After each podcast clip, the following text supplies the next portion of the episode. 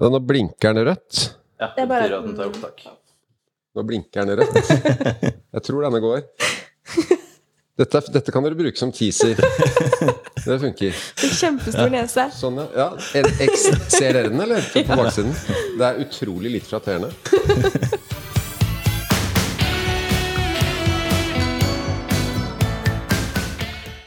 Velkommen til enda en ny episode av Innimellom. I dag er en veldig spesiell episode med en helt spesiell gjest som vi har gleda oss til å bli bedre kjent med.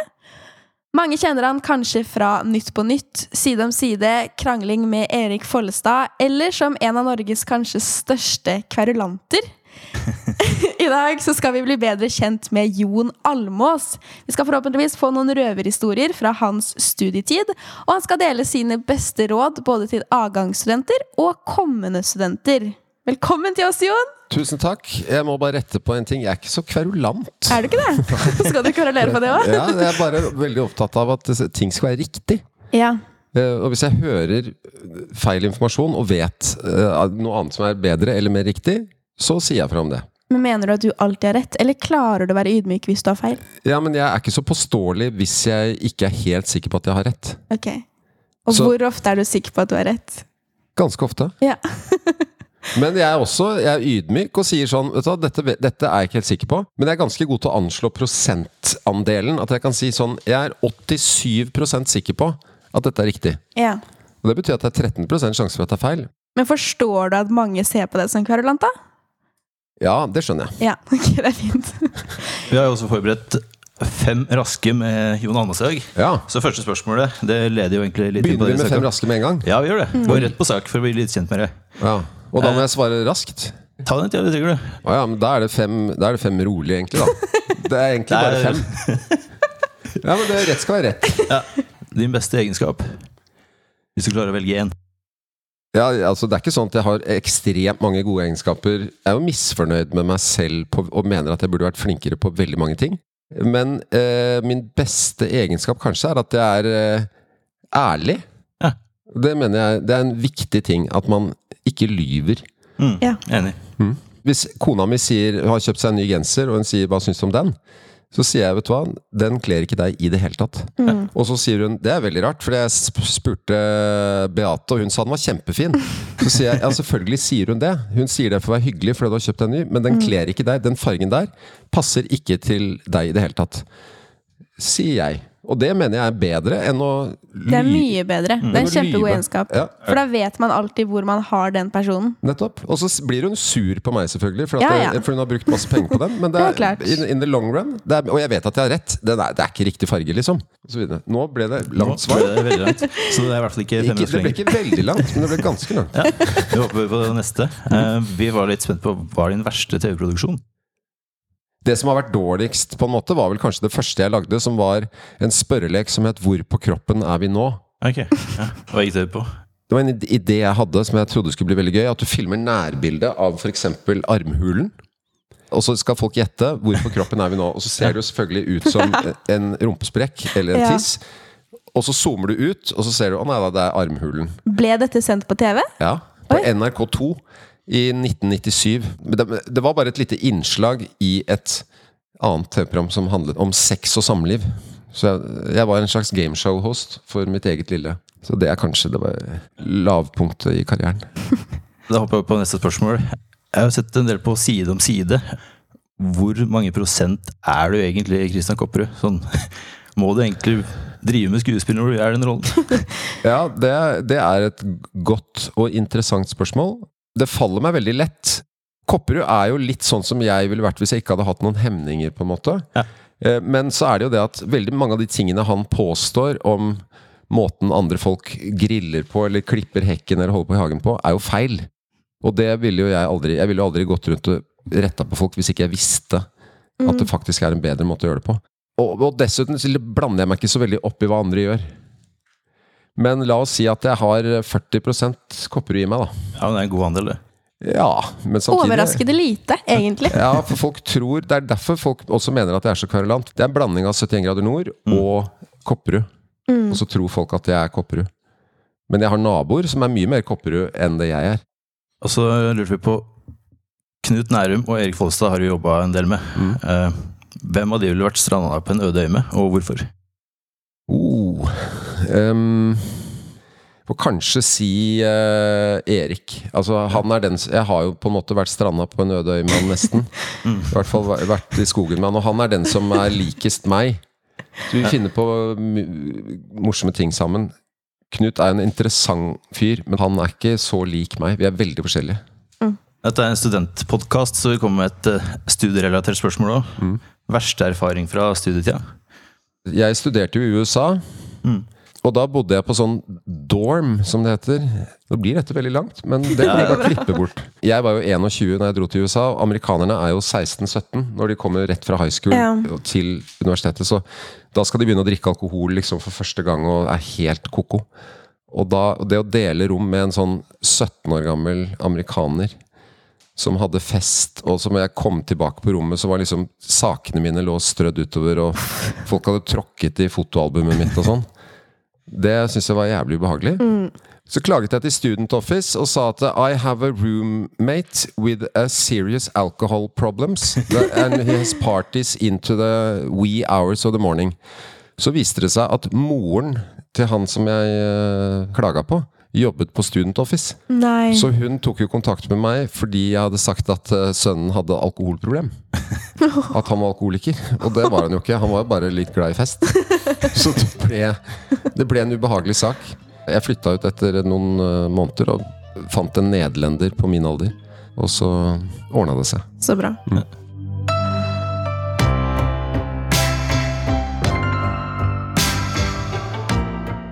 Tenk, vi kan fortsette litt på dette studielivet. Hva var det du egentlig studerte? Jeg dro til USA og skulle studere eh, sånn computer engineering. Oh. Og så hadde jeg en hemmelig drøm om å bli skuespiller, men det turte jeg ikke si til noen. Så jeg begynte jo da på ingeniørstudiet, og så var det veldig kjedelig. Det var bare sånn professorer med sandaler med sokker i og sånn. Etter en uke med det, så tenkte jeg dette gidder jeg ikke, så da begynte jeg på business. Da, Men fortsatt i USA? i, på samme universitetet. Ja. Da studerte jeg international business. Og en, fikk en bachelorgrad i det, med major i international business. Og minor, altså sidefag, teater. ja. For de hadde jo teateravdeling også på universitetet. Min skoledag var jo sånn Jeg hadde marketing og finance, og så jazzdans og Shakespeare. Liksom. Okay. På samme dagen. Shit. Så jeg brukte litt lengre tid. Jeg brukte vel et semester ekstra, da, fordi jeg gjorde begge deler. Men eh, jeg hadde lyst til å prøve meg som skuespiller. Ja, det var egentlig noe det vi lurte på også, om du liksom alltid har hatt lyst til å bli den du er i dag, da. Hva slags karriereplan du egentlig hadde fra du var ung. Jeg har, jeg har jo alltid vært sånn opptatt av tekniske ting. Jeg likte å ta fra hverandre Jeg var sånn konteinerbarn som gikk i konteinere og tok ut gamle brødrister og barbermaskiner og radioer. Skrudde de fra hverandre, tok ut høyttaleren av gamle radioer. Satte den inn i, i nattbordet mitt og kobla den til en annen radio, sånn at jeg hadde liksom flere høyttalere. Jeg drev veldig mye med sånn type elektronikk. Alle mente jo at du må jo bli ingeniør. Og så er det veldig mange ingeniører i familien, så jeg har nok et slags anlegg for det. Ja. Men så var det en ganske stor del av meg som hadde lyst til å bli filmstjerne. Ja. Og det er, er jo liksom, høres jo litt barnslig ut, men jeg, jeg så på liksom filmer og tenkte sånn Det der kan jeg. Det kan jeg gjøre. I can do that. Slapp liksom ikke helt tak i den drømmen der. Da, om å, jeg syns det virket litt kjedelig å være ingeniør. Ja. Komme inn på kontoret liksom og være sammen med de dølle folka. Jeg hadde lyst til å ha det gøy og ha en jobb som man gleder seg til. Så derfor liksom beholdt jeg den derre teatergreiene, da. Men så skjønte jeg jo underveis at jeg er ikke noen sånn teaterskuespiller. Jeg skal ikke stå på liksom en scene i en bygd og liksom være sånn mislykka skuespiller som, som spiller Ibsen, liksom. Jeg ville være filmstjerne. Og, og så skjønte jeg at det går ikke. Du, du er for dårlig. Jeg, er altfor selvbevisst til å bli en god skuespiller. Hvis du, hvis du skal være en god skuespiller, så må du være et sånn veldig sånn følelsesmenneske som lar deg rive med. ikke sant? Men jeg, jeg klarte aldri å la meg rive med. Når vi drev med dette på universitetet og jeg skulle spille skuespill, så sto jeg hele tiden sånn og tenkte å ja, nå, nå må du gjøre sånn og nå må du gjøre sånn. Altså jeg, på en måte, jeg ble aldri sugd inn i rollen. Og, da, og det merket jeg selv, at dette her er jo ikke bra. Jeg var på noen auditions i New York og sånn. og sto mens jeg hadde audition og tenkte sånn Dette, dette funker ikke. Nei. Hvor gammel var du første gang du hadde en skuespillerjobb, da? 2-23, kanskje. Ja. Jeg, jeg var jo med som statist i noen filmer i New York. For Da møter du opp, så får du 100 dollar, og så er du en del av mengden. liksom sånn Folk på fortau og Det var noe du gjorde når du bodde borti der, liksom. Ja. Men hvor lenge bodde du i USA? Jeg bodde der fem år. 88 til eh, 93. Vi hadde jo lyst til å ha noen røverhistorier fra din studietid. Har du noe litt sånn juicy å komme med fra din tid i USA? Altså, Jeg er jo ganske sånn forsiktig av meg, så jeg havner jo veldig sjelden i trøbbel. Ja, det var det vi så for oss. Han er for streit til at eh, Ja. Ja, ja, Og jeg skulle gjerne vært litt mer sånn Alex Rosén, som har liksom slåss med hvalross og havnet i trøbbel i Mexico og sånn. Men det er, jeg føler at jeg er sånn overvåket av en slags beskyttende hånd. For jeg har jo vært, jeg har vært i beruset tilstand på steder hvor man helst ikke skal være det. Mm. Men jeg havner ikke i trøbbel. Jeg har aldri Nei. blitt banka opp. Jeg har aldri blitt rana. Og det er en slags sånn teft man har for å unngå trøbbel. da At Hvis du liksom Du værer at mm, mm, mm, her, her, dette, her er det en stemning som jeg ikke liker. Nei. Da tar du ikke av deg på overkroppen og begynner å danse liksom breakdance midt på gulvet. Det er sånn du driver med det, Jan Are. Ja, det, ja, og da havner man i trøbbel. man gjør det. Man gjør det. Det vet jeg alt om. Så det er bare å unngå å være så jævlig provoserende. Husk det, Jan Are. Jeg skal prøve å ta det til. Men jeg er jo ferdig utdanna barnevernspedagog om få dager. Mm. Og tenker nå fuck, jeg vil heller bli som Jon Almaas. Jeg har ikke lyst til å jobbe som barnevernspedagog. Hvordan kan man bli som deg? Altså Barnevernspedagog høres jo mer spennende ut enn å være for eksempel elektroingeniør, så du kan jo trøste deg med at du på kjedelighetsskalaen Og så er det jo selvfølgelig Man velger jo det fordi man har lyst til å jobbe med mennesker og man har lyst til å gjøre en god gjerning, mer enn at man har lyst til å tjene masse penger, f.eks. Ja. Så man velger jo litt hva man vil ut ifra ut fra interesser og eh, ambisjoner. Og jeg, min ambisjon var jo aldri at jeg skulle bli så veldig rik, eller at jeg skulle bli så veldig kjent, eller eh, ha, få liksom masse oppmerksomhet. Min ambisjon var bare at jeg har lyst til å ha det gøy. Og jeg syns det virket veldig gøy å være skuespiller. Eller filmstjerne, da. Ikke teater. Det virker kjedelig. Men, eh, og så, når jeg skjønte at jeg kan ikke bli skuespiller, så tenkte jeg ok, TV. Hva er bedre enn å jobbe i TV, liksom? Jobbe i Underholdningsavdelingen. Du har masse morsomme folk rundt deg, og reiser rundt og lager morsomme innslag, liksom. Det må jo være gøy. Eh, Så jeg, jeg valgte jo ut fra det. Eh, Når du sier 'bli som meg' Du kan jo ikke bli eh, 54, og du kan ikke bli mann. Eller du Nei. kan bli mann, men uh... Jeg har lyst til å jobbe i den bransjen dere er i, men jeg har jo ikke noe relevant utdanning til det. Ja, men det er jo lettere enn noensinne, for det er jo bare å begynne på Instagram eller YouTube og begynne å lage ting. Og hvis du er flink og jobber hardt og lager noe som folk har lyst til å se på, så får du plutselig 30 eller 40 000 følgere, og da kan du begynne å leve av det. Det er lov å drømme. Ja, ja, hvorfor ikke? Kan du- Første barnevernspedagogen som eh, har en eh, YouTube-kanal. Det hadde vært kult. Ja, kanskje. Vi får se.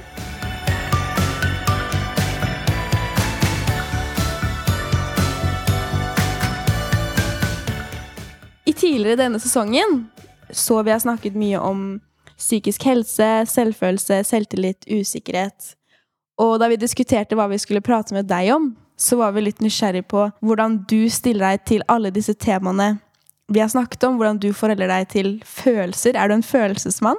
Jeg er ganske lettrørt, og det er nok ikke helt samsvar mellom hvordan folk tror jeg er, og sånn som jeg er. Og det er, ha, har jo noe med hvilken profil man har hatt på TV. At jeg fremstår sånn ikke sant, 17 år i Nytt på Nytt, hvor jeg sitter med dressjakke og hvit skjorte, og så litt kverulant i 71 grader nord.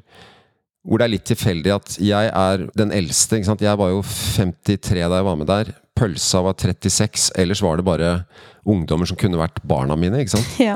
Og da får man jo en sånn slags papparolle.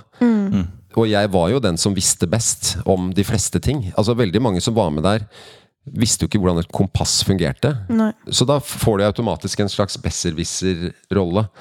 Jeg er nok også mer usikker på meg selv og har mindre selvtillit enn det folk tror. Jeg er ganske trygg i meg selv, men jeg har egentlig dårlig selvtillit. For eksempel da når jeg var student i USA. Jeg syntes det var ubehagelig å snakke med fremmede. Jeg syntes det var vanskelig å snakke engelsk. Jeg var flau. Eh, Når de satt sånn og hadde opprop, og læreren liksom ropte opp alle, så hadde han ikke ropt opp meg.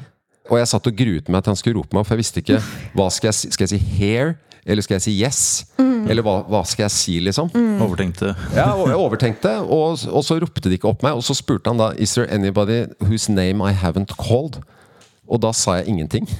For jeg, tror, jeg visste ikke hva jeg skulle si, og jeg syntes det var flaut. Jeg har jo lyst til å lage en podkast, f.eks., men jeg har jo jeg har lyst til at den skal være bra.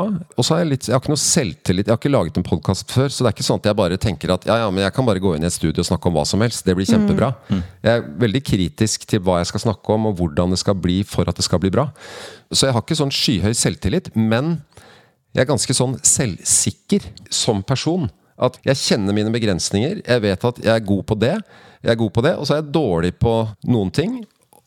Jeg skulle gjerne vært en mye mer sånn Morten Ramm Morsom type liksom som kommer inn, og så hvor enn han går, så blir det kjempegøy. Eller Linn Skåber, ikke sant, som er så ekstremt utadvendt og, og sosial og blir venner med alle. Jeg skulle gjerne vært sånn, men jeg er jo ikke sånn.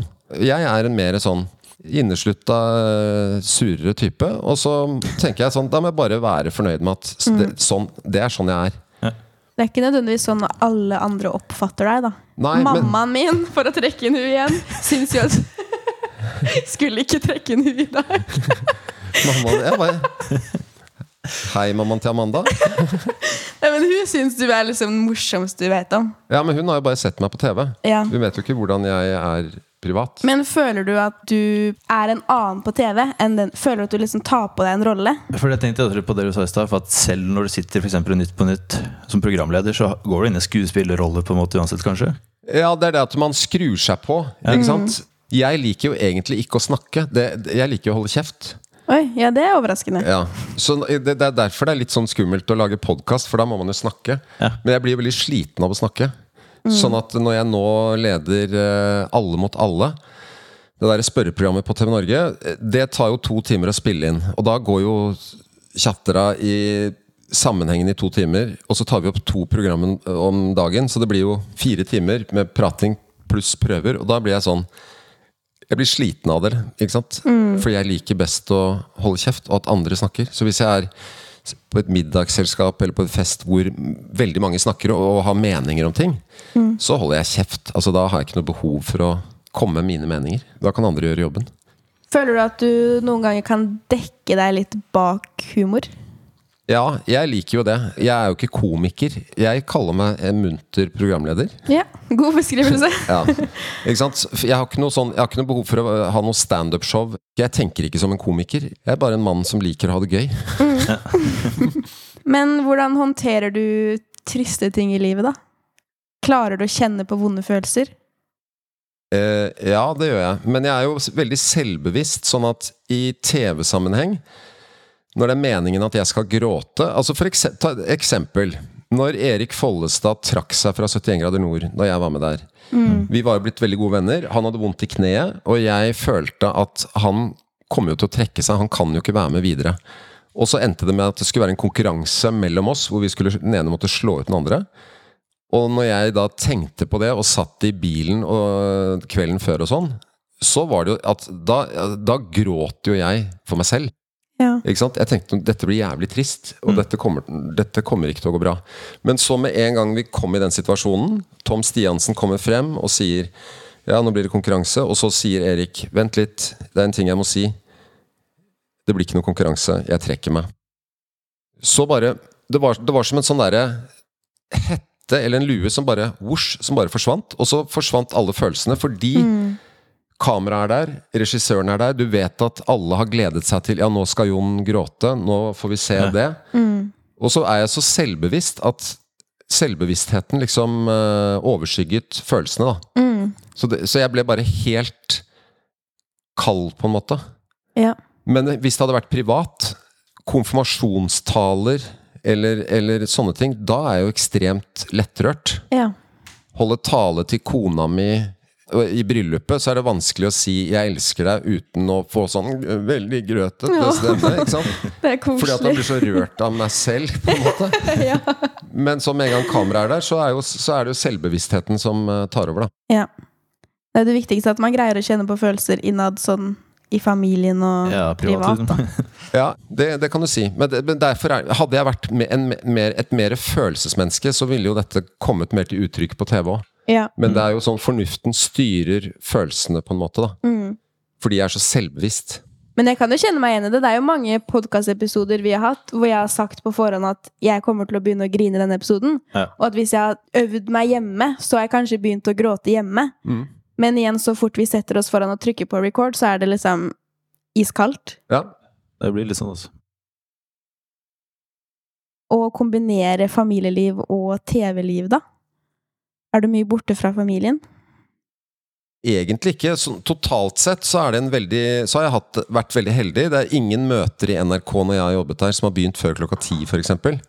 Kona mi er jo lege, da, og hun begynner jo noen ganger veldig tidlig. Eh, så det er jeg som har levert barna i barnehagen da de var små. Og, Ja.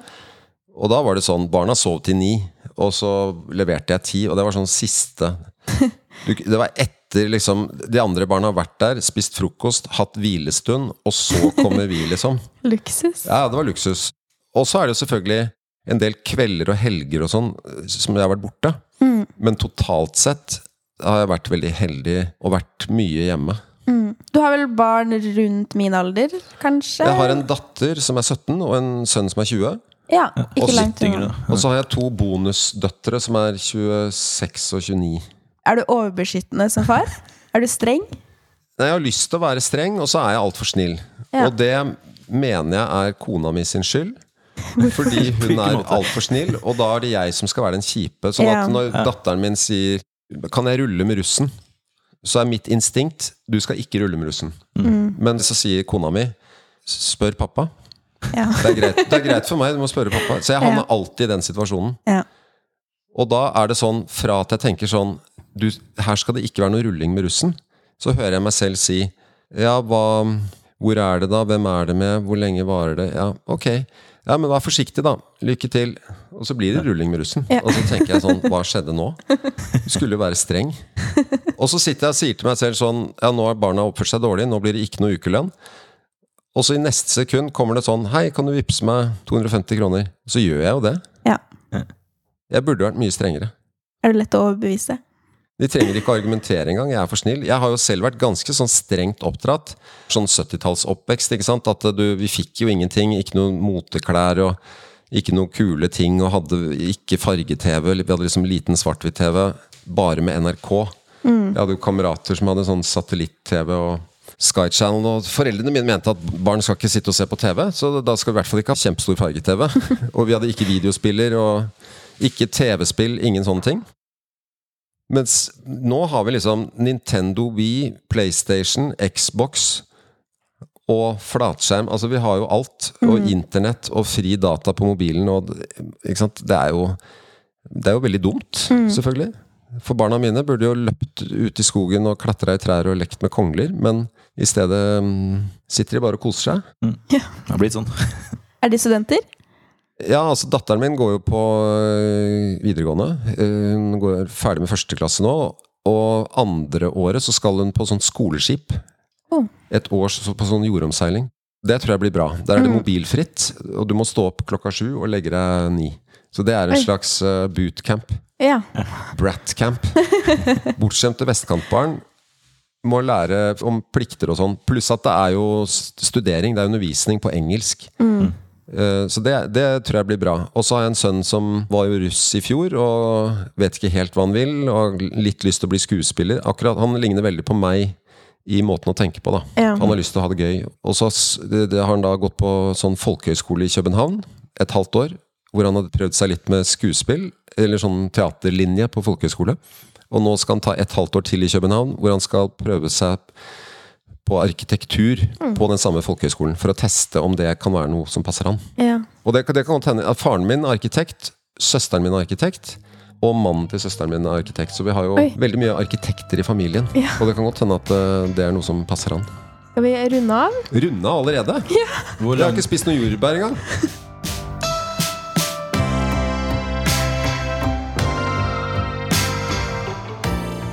ja, eh, litt sånn avslutningsvis så vil vi jo ha noe som er spesielt retta mot eh, studentene våre.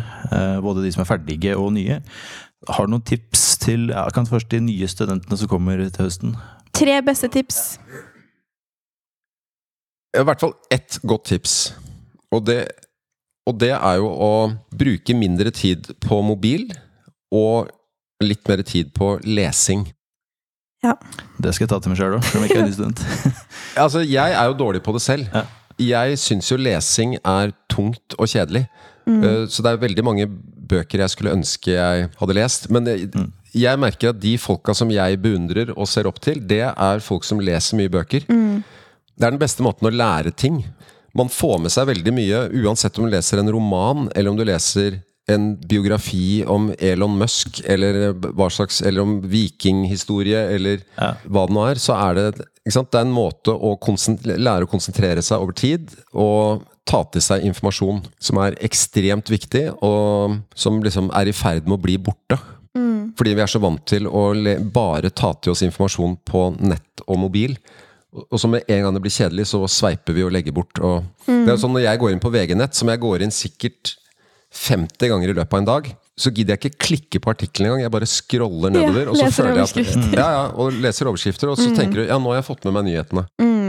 Men så det er at nesten alle heretter er sånn derre Hvis noen forteller noe bare, ah, ok, hvor hørte du det? Jeg så det på TikTok. ja, Det, ja, ja, ja. det er sånn det er blitt. Og det er jo trist. For det er ikke å få med seg nyheter. Det er ekstremt lite kritisk måte å få informasjon på. For det, det, er, det er andre som bearbeider det og legger ut små snutter. Ikke sant? Alt datteren min på 17 får med seg nyheter, er fra TikTok. Og det er, ikke det, det er ikke det fulle bildet. Nei. Hun får med seg at det skjer ting i Ukraina, hun får med seg liksom Johnny Depper og Amber Heard, og får med seg disse tingene.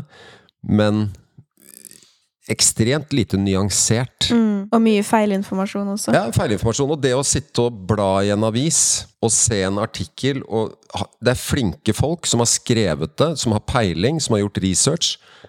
Og det er den beste måten å ta til seg informasjon på. Å lese. Mange syns at det er kjedelig fordi det går sakte. Jeg leser sakte. ikke sant? Søsteren min leser fort. Hun er sånn som bare øynene sklir over, og så leser hun veldig fort. Og jeg er sånn leser linje for linje og må si det til meg selv. ikke sant? Så det tar mye lengre tid for meg å lese en bok enn for søsteren min. Men det er en treningssak, og jo mer, akkurat som, som med alt annet, spille gitar, trene, jo mer du gjør det, jo flinkere blir du. Mm. Mitt beste tips. Øving, og så legge inn vaner og rutiner, kanskje. Mm. Ja, altså Ta en halvtime da, hvor det er sånn Ja, nå skal jeg lese bok. Så legger du bort mobilen. Og så tar du en bok som du har tenkt Den har jeg lyst til å lese. En bok som alle snakker om uh, for tiden, liksom. Eh, Abid Rajas selvbiografi, for eksempel. Da. Den er, det var siste boka jeg leste. Den syns jeg var eh, Det var jo veldig en spennende, morsom, morsom bok å lese. Eh, Sånn ganske lettlest bok. Det er mye bra der ute. Og etter hvert som man leser og får inn vanen, så merker man at oi, nå har jeg plutselig lyst til å lese. Sant? Jeg er spent på hvordan det går. Og så blir det en ting som man øh, oppsøker, da, istedenfor at man prøver å unngå det. Mm. Men jeg, jeg, jeg er dårlig på det selv, og ønsker å bli bedre. Men, men, så jeg skal ikke si at det, det, liksom, det er jeg kjempegod på. Men det, det, burde, det burde man gjøre. Man blir et bedre menneske av det. Og så er jo det neste er jo da å holde seg, være fysisk aktiv på en eller annen måte. Det tror jeg også det, ikke sant? det er jo de to største problemene i dag, er at man sitter for mye stille og ligger ikke sant? Barna mine gjør jo lekser i senga. ikke sant? Mm. De sitter ikke ved skrivebordet. Det er liksom, det er ligging på sofaer og i senger, og det er dataskjermer, liksom. Kom dere opp. Det å være aktiv, altså at det er, det er bra for kropp og sinn å gjøre noe. Mm. Ikke sant? Så fjellklatring, spill badminton, gå en tur i skogen. Altså noe. To tips jeg begge har vært elendige på gjennom studietida. Men hva er beste tipset til de som er ferdig med å studere, da? Sånn som meg, som kanskje er litt usikker på veien videre. Hvordan man skal plutselig leve et voksent liv. Jeg har jo vært litt sånn dårlig på det selv. Jeg har aldri Da jeg ble voksen, så tenkte jeg sånn Hjelp! Jeg husker jeg kjøpte min første leilighet, og da jeg fikk barn, så var det sånn Hjelp! Jeg er jo ikke voksen. Men da jeg ble voksen, sa du. Når ble du voksen, egentlig? Har du sånn timestamp på det? Nei, ja, det er jo liksom eh, Slutten av 20-årene Jeg kjøpte jo min første leilighet eh, Da var jeg 30, altså var jeg 97 Da kjøpte jeg leilighet Og så fikk jeg barn i 2002 Men det å få liksom ansvar for Oi, nå må jeg passe på Det er ikke faren min altså, Det er jeg som eier den leiligheten Og det er jeg som Men jeg har, jeg, jeg har jo fremdeles Føler jeg meg sånn litt uansvarlig som voksen, liksom. Ja. Jeg er litt for glad i å kose meg, da. Og ha det gøy. Livet er jo ikke, skal jo ikke bare være gøy. Men jeg tenker at hvis jeg har muligheten til å kose meg og ha det gøy, så er det bare Ja. å gjøre det. Man trenger jo ikke å leve et A4-liv hvis man ikke absolutt må.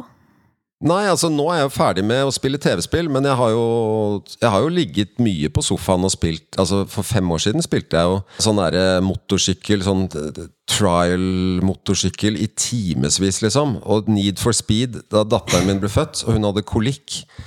Og, og jeg var oppe hele natta og hadde datteren min sånn på fanget fordi kona mi skulle sove. Og så eh, satt jeg sånn og rista på Så lå hun i fanget mitt, jeg rista på beina, og så spilte jeg Need for Speed. Til liksom seks om morgenen. Det er multitasking på godt nivå. Ja, ja. Nei, så jeg er, jeg er ofte sånn at jeg burde ha, jeg burde ha klippet gresset, men jeg går heller inn på YouTube, liksom. Ja. Og så ligger jeg med laptopen og oppfører meg som en tenåring. Så det er jo viktig å kose seg litt, da. Ja. Man blir kanskje aldri helt voksen. Åh, minnekortet. Kameraet er for varmt. Forandringer syns jeg er veldig skummelt. Ja. Men hva er det neste for deg nå? Ikke sant? Du, må, du er ferdig med å studere, da må du skaffe deg en jobb. Må skaffe meg en jobb, ja. Så jeg tenker å flytte. Ja, Og det er jo bare spennende. Det er jo selvfølgelig skummelt, men det er jo spennende. Ja, det er jo det. Og så, ja, så søke jobb, og så må man finne seg et sted å bo, og så prøver man å finne seg en kjæreste, og så liksom så Plutselig er du voksen. Ja. Plutselig. ja, ja. Og så ikke Jeg ville sagt liksom sånn Ikke ta opp forbrukslån og begynne å tukle med økonomien. Nei, det skal jeg klare. For det, det er jo sånn Det er roten til Jeg har hatt mye dårlig råd når jeg var yngre. Og jeg, da jeg kjøpte min første leilighet, så hadde jeg ikke råd til å pusse opp. Og da husker jeg en treliter med sånn Lady veggmaling kostet 297 kroner. Og det hadde jeg ikke. Så jeg måtte vente på neste lønning Ja. før jeg kunne kjøpe et nytt malingsspann. Og jeg følte jeg hadde lånt altfor mye penger, og dette kommer ikke til å gå bra. Men så jobber man, og så tjener man jo litt mer, og så går det jo bra. Ja. Faren min hadde jo et godt råd eh, når det gjaldt det å jobbe. Han sa jo alltid 'gjør litt mer, litt bedre og litt raskere enn det som er forventet'. Ja, det er et godt råd. Jeg begynte jo, jeg tok jo kontakt med NRK, jeg hadde lyst til å jobbe i TV. Og så var det ikke noen ledige stillinger. Og så sa jeg at jeg kan jobbe gratis. Det hadde de aldri hørt om før, men det vil de gjerne benytte seg av. Så da fikk jeg jo jobb der, og, og jobba gratis. Og så sørget jeg bare for å gjøre en god jobb. Ikke sant? Når jeg var assistent da, i en eller annen redaksjon, og så så jeg at der ligger en, noen kasser med noen videokassetter.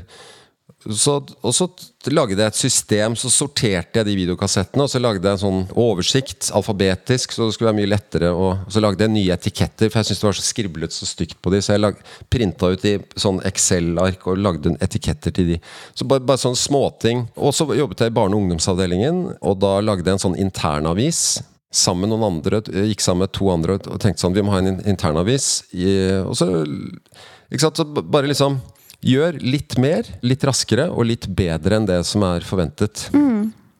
Så, er går, så går det som regel bra. Ja. Mm. jeg begynte jo, min, En av mine første jobber var jo som grunnarbeider på byggeplass. Og så lå det liksom masse sånn stillasdeler i en haug, og så var jobben min var å sortere de. Og så var det en sånn gammel mann som sa til meg sånn Ja, vi trenger ikke sortere. Det var det, var det første han sa. Du kan bare hive de bort der, du trenger ikke sortere. Og så tenkte jeg ja, men jeg vil sortere det. Og så det neste han sa, var du trenger ikke jobbe så raskt. Vi kan godt, vi har helt frem til lunsj. Og med en gang vi er ferdig med dette, så får vi bare en ny ting å gjøre. Så det er ikke noe vits i å gjøre det så fort. Og det er jo på en måte den stikk motsatte holdningen, da.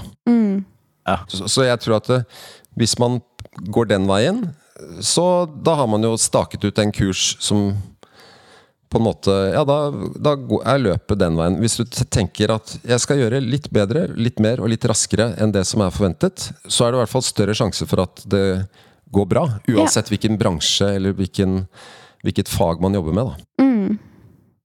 Det er kanskje et fint sted å avslutte. Det er nok det. Yes, da er gaven overrekket. Gavene. Gavene Gavene. overrekket. Så da skal vi egentlig bare takke for oss, og takke for at du var med oss inn i studio i dag. Bare et lite spørsmål. Heter Ja. det overrakt eller overrekket? Jeg er, altså, jeg er ikke noen norsklærer, men rett skal være rett. Jeg tror ikke det heter overrekket. Hva var det jeg sa? Overrekket. Overrakt. Jeg tror det. Okay. Men jeg er ikke 100 sikker. I stad sa jeg at jeg hadde skinnet også. Jeg mente jeg Jeg er ikke så god i norsk. Nei, men la oss si at jeg er eh, 85% sikker på at det heter overrakt. Ja. Jeg skal ikke krangle, jeg. Nei, Men gaven er overrakt, og Ja. tusen takk. Jeg er veldig glad for mesteparten av det. Og vi er veldig glad for at du var med i episoden i dag. Og takk til deg også som har hørt på episoden. Og så snakkes vi igjen neste uke. Ha det bra. Ha det bra! Ha det bra, ja.